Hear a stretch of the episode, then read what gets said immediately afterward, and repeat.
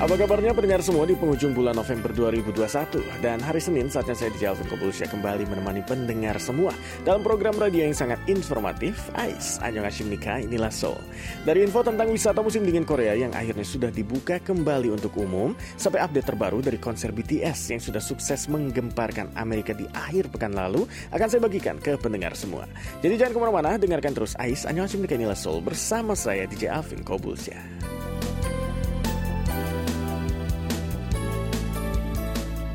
Apa yang ada di pikiran pendengar semua saat mendengar kata musim dingin?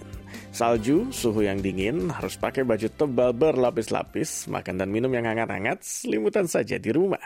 Ya, sebagai orang asli negara tropis kayak kita ini, pendengar ya, membayangkan ada di suhu minus saja rasanya sudah bikin panik ya, karena kita terbiasa tinggal di suhu tropis. Tapi pendengar, sebenarnya musim dingin tidak seburuk itu. Karena di musim dingin itu ada banyak sekali kegiatan outdoor atau luar ruang yang seru dan masih tetap bisa kita lakukan daripada terus di rumah saja.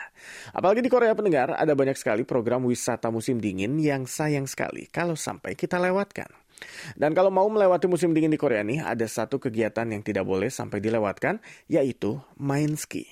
Dan sebagai orang Indonesia ya, kita wajib banget nih pendengar mencoba olahraga-olahraga musim dingin seperti ski, karena ya nggak mungkin kita bisa main ski di Indonesia. Dan di musim dingin kali ini, satu persatu destinasi wisata olahraga musim dingin atau ski resort ini mulai dibuka kembali untuk umum. Dan seperti tahun-tahun sebelumnya, ski resort ini dibuka mulai akhir November atau sekitar awal Desember. Dan walaupun baru saja dibuka nih, salah satu ski resort bernama Yongpyong Resort langsung dipadati oleh warga Korea di hari Sabtu lalu. Padahal kasus baru COVID-19 di Korea kan lagi naik ya tinggi-tingginya pendengar, tapi sepertinya nih antusiasme warganya juga tidak kalah tinggi dan ditambah lagi dengan kebijakan Living with COVID-19 yang sudah sejak awal November lalu diterapkan secara nasional dan ini membuat masyarakat Korea makin berani untuk kembali memadati objek-objek wisata di dalam negeri. Dan selain Yongpyong Resort, resort lainnya nih yang sudah kembali beroperasi adalah Vivaldi Resort yang ada di Hongcheon tepat hari Minggu lalu. Sementara resort-resort lain di seluruh Korea mayoritas akan baru mulai dibuka di awal Desember nanti pendengar. Dan yang belakangan akan dibuka juga adalah ski resort yang ada di bagian selatan Korea yaitu Eden Valley Resort yang katanya baru akan dibuka pada tanggal 23 Desember, sehari sebelum saya ulang tahun ya bocorannya. 24 Desember saya makin tua. Dan walau pendengar di rumah sekarang belum bisa bisa mencoba main ski langsung di Korea ya, saya mau kasih info dulu nih tentang ski resort mana saja yang bisa pendengar kunjungi dan lokasinya tidak jauh dari ibu kota Seoul. Jadi siapkan catatannya ya. Di Seoul sendiri, sepertinya tidak ada ski resort pendengar ya, karena biasanya ski resort ini adanya di daerah pegunungan. Yang ada di daerah pelosok, sementara di Seoul kebanyakan areanya adalah area perkotaan, jadi sepertinya memang tidak cocok untuk dijadikan area bermain ski. Jadi bagi warga Seoul yang mau main ski, banyak dari warga Seoul nih yang memilih datang untuk datang ke resort-resort yang ada di daerah sekitar Seoul, seperti Bearstown Ski Resort yang ada di kota Pocheon, lalu juga ada Elysian Gangcheon Ski Resort di kota Chuncheon dan juga Vivaldi Park yang ada di Kabupaten Hongcheon yang tadi udah kita bahas ya. Dan kalau mau yang lebih jauh lagi nih, pendengar juga bisa coba datang ke ski resort yang ada di bagian selatan semenanjung Korea seperti Muju Ski Resort dan Eden Valley Resort. Dan karena ada di bagian selatan nih, suhu di resort ini cenderung lebih hangat ya dibandingkan dengan ski resort yang ada di wilayah Korea bagian atas atau utara. Dan walaupun hangat, salju-salju di sini juga tetap tebal karena salju-salju yang ada di sini adalah salju campuran salju alami dan juga salju buatan. Nah, jadi itu fakta uniknya ya. Dan untuk pendengar yang belum pernah main ski atau baru mau coba olahraga-olahraga musim dingin, pendengar tidak perlu takut karena beberapa ski resort nih, salah satunya di Bearstown ini, menyediakan jalur ski yang lebih landai dan memang dibuat untuk para pemain ski pemula. Jadi nggak terlalu curam ya. Sementara untuk pendengar yang tidak tertarik sama sekali main ski tapi masih mau menikmati pemandangan hamparan salju dari atas gunung, pendengar juga tetap bisa berkunjung ke ski resort di Korea karena tidak sedikit juga resort yang menyediakan fasilitas cable car untuk pengunjung yang hanya mau menikmati pemandangan alam yang serba putih dari puncak gunung. Sepertinya saya yang ini aja ya. Saya tidak berbakat untuk olahraga-olahraga yang membutuhkan keseimbangan tubuh pendengar. Tapi pendengar harus coba ya. Dan membayangkan rasanya main ski memang agak menyeramkan ya pendengar ya. Tapi percaya deh, kalau sudah sekali coba, pasti ketagihan. Awalnya memang sulit pendengar, dengan perlengkapan ski yang berat, kita harus bisa menyeimbangkan badan meluncur dari ketinggian, dan jatuh bangun main ski ini sepertinya sudah saya rasakan. Dulu saya sempat coba waktu di Norwegia dan saya masih kapok sih sebenarnya. Karena jatuh bangunnya lumayan pendengar ya, tapi itu pengalaman yang harus dicoba nih. Jadi jangan dulu menyerah ya seperti saya. Tapi uh, pokoknya itu tetap bikin penasaran dan pengen terus coba. Saya masih coba cari hidayah sampai saya mau coba lagi main ski ini pendengar. Tapi intinya seru banget ya pendengar ya. Dan walaupun tahun ini pendengar di rumah belum bisa main ke Korea untuk main ski, semoga saja di musim dingin tahun depan nih pendengar bisa punya kesempatan untuk merasakan wisata musim dingin di Korea. Jadi bisa siap-siap dari sekarang.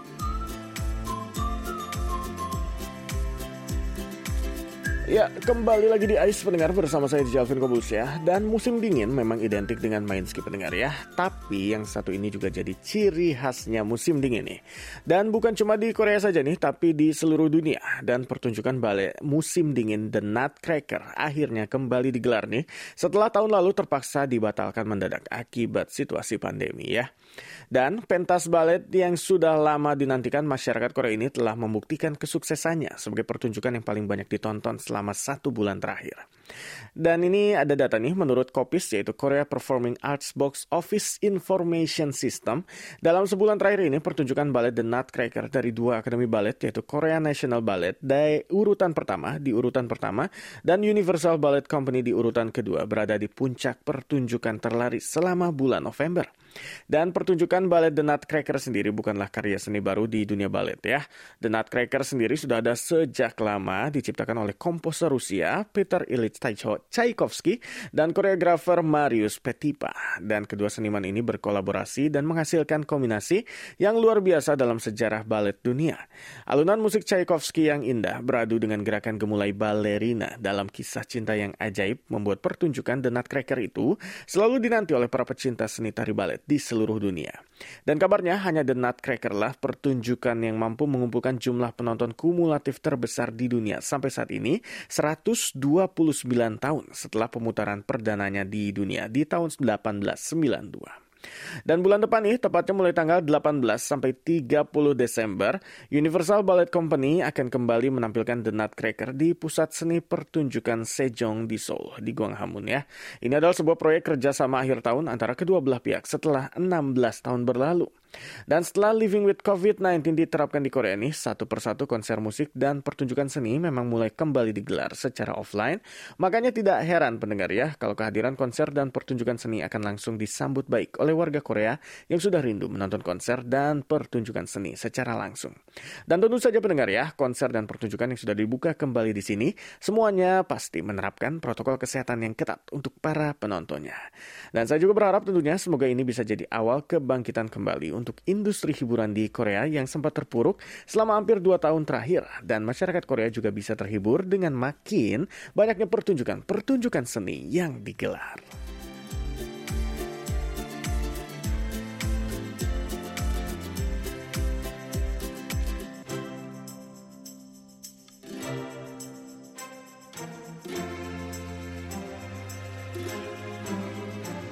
Jadi jutawan lewat jualan tanaman, siapa yang tidak tertarik pendengar? Jadi bisnis tanaman rumahan sudah sering kali kita temui pendengar ya, apalagi di Indonesia. Beberapa tahun belakangan ini, fenomena jual beli tanaman rumahan memang lagi naik daun ya, terutama selama pandemi di mana makin banyak orang yang tertarik untuk mengoleksi tanaman-tanaman rumahan unik yang harganya jutaan.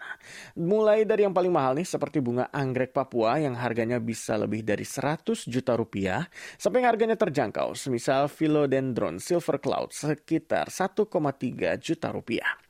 Ternyata mendengar fenomena jual beli tanaman ini bukan cuma terjadi di Indonesia saja, tapi juga di Korea.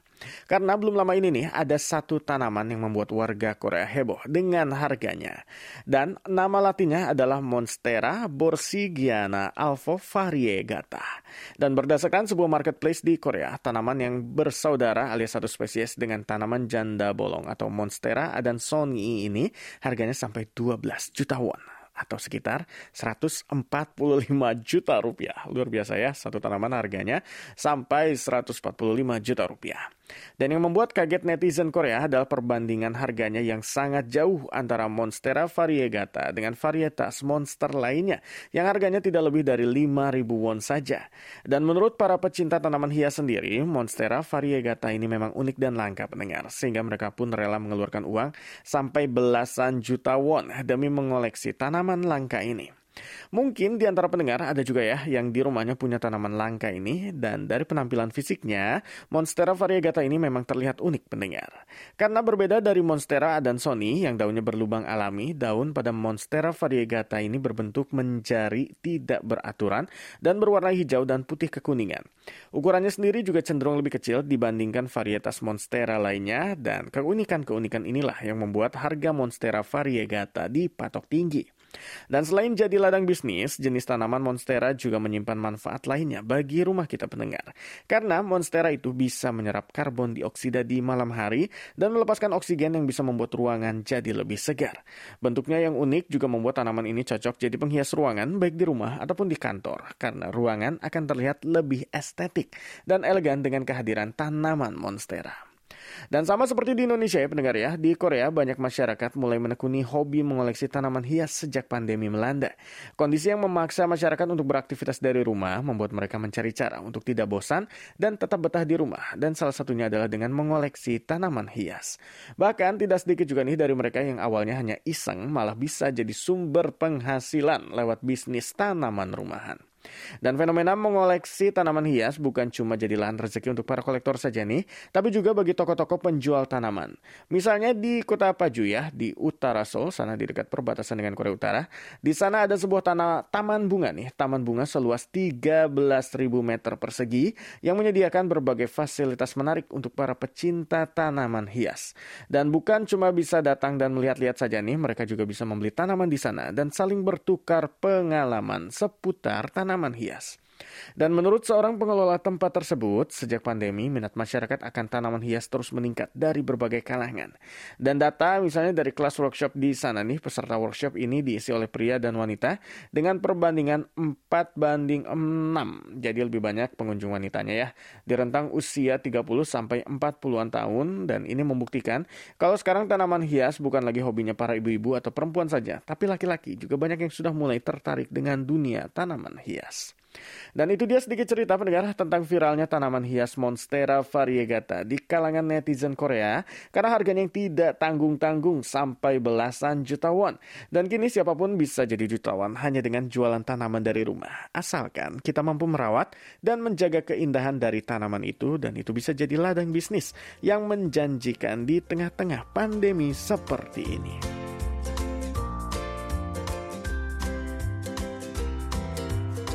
Dan hari ini saya punya kabar baik untuk semua pecinta K-pop di Indonesia juga seluruh dunia karena hari Jumat lalu stasiun TV Korea KBS mulai menyiarkan konten Korea milik mereka ke total 114 negara melalui berbagai saluran. Kerennya lagi konten-konten ini akan disiarkan dengan memanfaatkan teknologi augmented reality dan extended reality. Dan ini adalah bentuk kerjasama antara stasiun TV KBS dan agensi konten kreatif Korea dalam rangka menyebarkan konten K-pop secara masif ke seluruh dunia dengan memanfaatkan teknologi-teknologi canggih. Dan dan salah satu program yang akan disiarkan adalah program K-pop populer KBS Music Bank yang akan disiarkan lewat TV KBS 2, TV KBS World, dan YouTube channel KBS World. Di program Music Bank Jumat 26 November lalu, tema yang diangkat adalah Music Bank with K Content dengan menghadirkan 18 artis K-pop, di antaranya boy group SF9, Monsta X, Swasa Mamamoo, dan grup Wekimeki. Dan lagu-lagu terbaru yang dirilis oleh para penyanyi dan grup K-pop itu memanfaatkan teknologi augmented reality. Sementara lagu hit dari Brave Girls Ride, dan And Flying Rooftop ditampilkan dalam teknologi extended reality, perpaduan antara augmented reality dan virtual reality yang bisa membuat penontonnya merasakan sensasi menonton dalam layar seperti dalam dunia nyata. Dan ini adalah pertama kalinya KBS memasukkan teknologi inovatif pada program musik miliknya. Dan mulai hari Selasa besok, para penggemar K-pop di seluruh dunia bisa menikmati program musik K-pop Music Bank with K Content di YouTube, Never Z, saluran TV KBS World, dan KBS 2. Selain itu, kedua belah pihak, agensi konten kreatif Korea dan KBS akan mengunggah tayangan konten budaya Korea lainnya seperti games, drama, variety show, serial webtoon, dan tren make up yang dibawakan oleh artis K-pop maupun lokal selebriti lainnya. Adapun Park Seo-young dari pihak agensi konten kreatif Korea mengatakan, acara terbaru K-pop akan memanfaatkan teknologi imersif dan interaksi dengan penggemar melalui platform Metaverse akan memainkan peran besar dalam menyebarkan Korean Wave atau Hallyu di era ekonomi digital seperti ini. Jadi sebentar lagi pendengar yang ada di Indonesia dan juga di belahan dunia lainnya bisa menyaksikan tayangan musik K-pop berteknologi canggih di program Music Bank with K Content. Ada banyak bintang K-pop yang bakal tampil, jangan lupa juga pendengar punya pilihan untuk nonton di YouTube Never Z atau di saluran TV KBS World.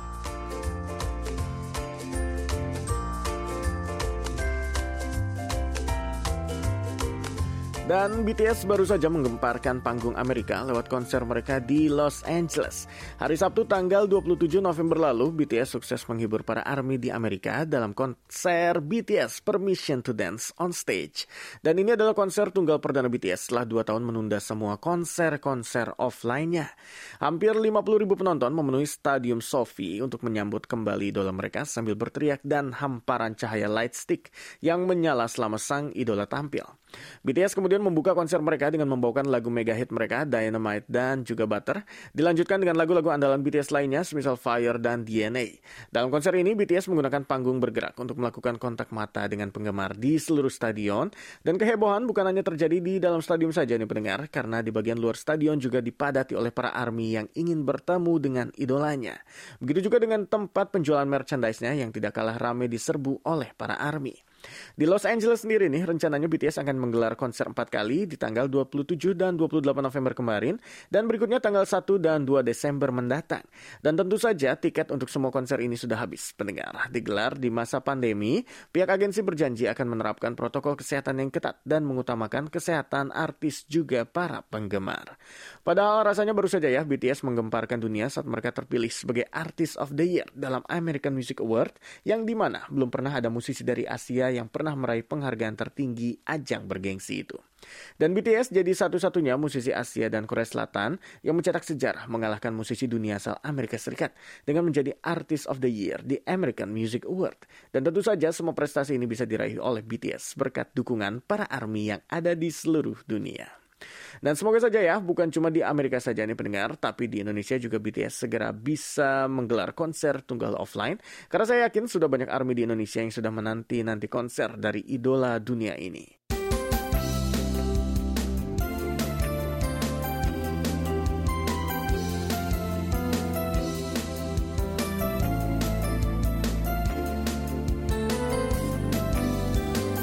Dari info tentang ski resort yang sudah mulai kembali buka di Korea sampai kabar terbaru dari konser BTS di Amerika yaitu Permission to Dance on Stage sudah saya bagikan ke pendengar semua. Semoga pendengar terhibur, terinspirasi dan makin termotivasi untuk bisa jalan-jalan ke Korea ya. Dan sekarang saatnya saya DJ Alvin Kamit. Sampai ketemu lagi pendengar, Nildo Hamkeheyo.